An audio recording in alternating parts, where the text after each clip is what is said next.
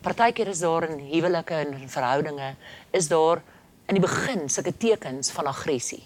Gaan praat met elke vrou wat uit 'n abusive verhouding uitkom.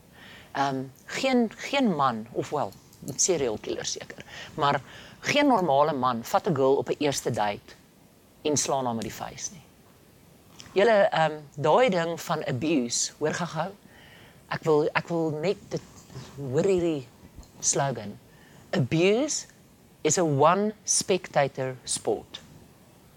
Mense is nooit abusive in die publiek nie. Wel, nie nooit nie, maar julle jy, jy weet wat ek nou bedoel. Ek bedoel 'n 'n man wat sy vrou skud, 'n man wat sy vrou rondstamp. Hy doen dit nie in die publiek nie. Hy doen dit waar hy dit alleen kan doen. En as jy in 'n verhouding is waar daar enigsins sulke goeters is, dan wil ek net vir jou as vrou sê, jou kinders weet dit ook. Jy kan onderlaag plak soos jy wil. Jy kan jou traantjies afvee daar in jou kamer. Jy kan uitgestap kom en sê dit is niks nie julle, dit is niks nie. Jou kinders weet. En weet wat se hartseer hiervan? Jou kinders is so kwaad vir jou man. Jou kinders leer om regwaar daai manlikheid absolutely te haat. Hulle kry so 'n skewe prentjie van wat 'n huwelik moet wees.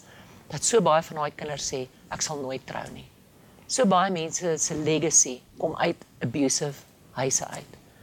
Wie wat se hartseer? Is as jy dit lank genoeg toelaat, dan begin jou kinders jou te resent. Hulle woede draai na jou toe. Want mamma, jy laat hierdie goeters toe in ons lewe.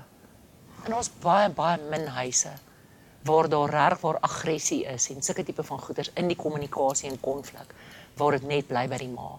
Die kinders loop op 'n stadium ook deur. Ek sê weer, jy is meer werd as hierdie. As jy in 'n verhouding is wat net nou wat iemand vir jou sê, nou beter jy stil bly. Nou en en askies as ek hom so reguit sê, maar ek gaan hom so reguit sê. As hy vir jou begin sê nou moet jy jou bek hou. Ek klap jou bek vir jou toe vandag, vandag en dan kom daar sulke woordjies. As jy vandag getiet wil word, dan sê ek nou, as daai die eerste keer wat jy daai belewenis het van, okay, sorry, sorry, die eerste keer wat jy daai belewenis het, sê ek vandag vir jou, it's time to move. It's time to go. En mense sê dalk vir my, "Jesus Greta, maar ek is in 'n huwelik en en weet jy wat, weet wat gaan ek alles verloor?"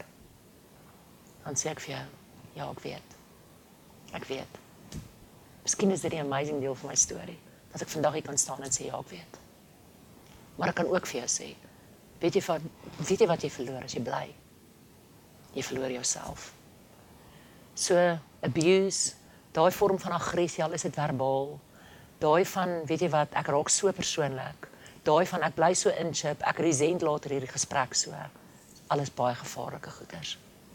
En dan die heel laaste ene wat mense baie keer geringskat, is ek is in 'n verhouding waar daar net glad nie gepraat word nie. As ek vra, "Hoe was jou dag?" Hm.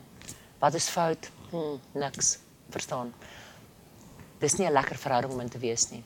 Vir jy wat getroud is, is dit 'n rede om te skei? Surely not. Is dit 'n rede om hulp te kry? Absoluut.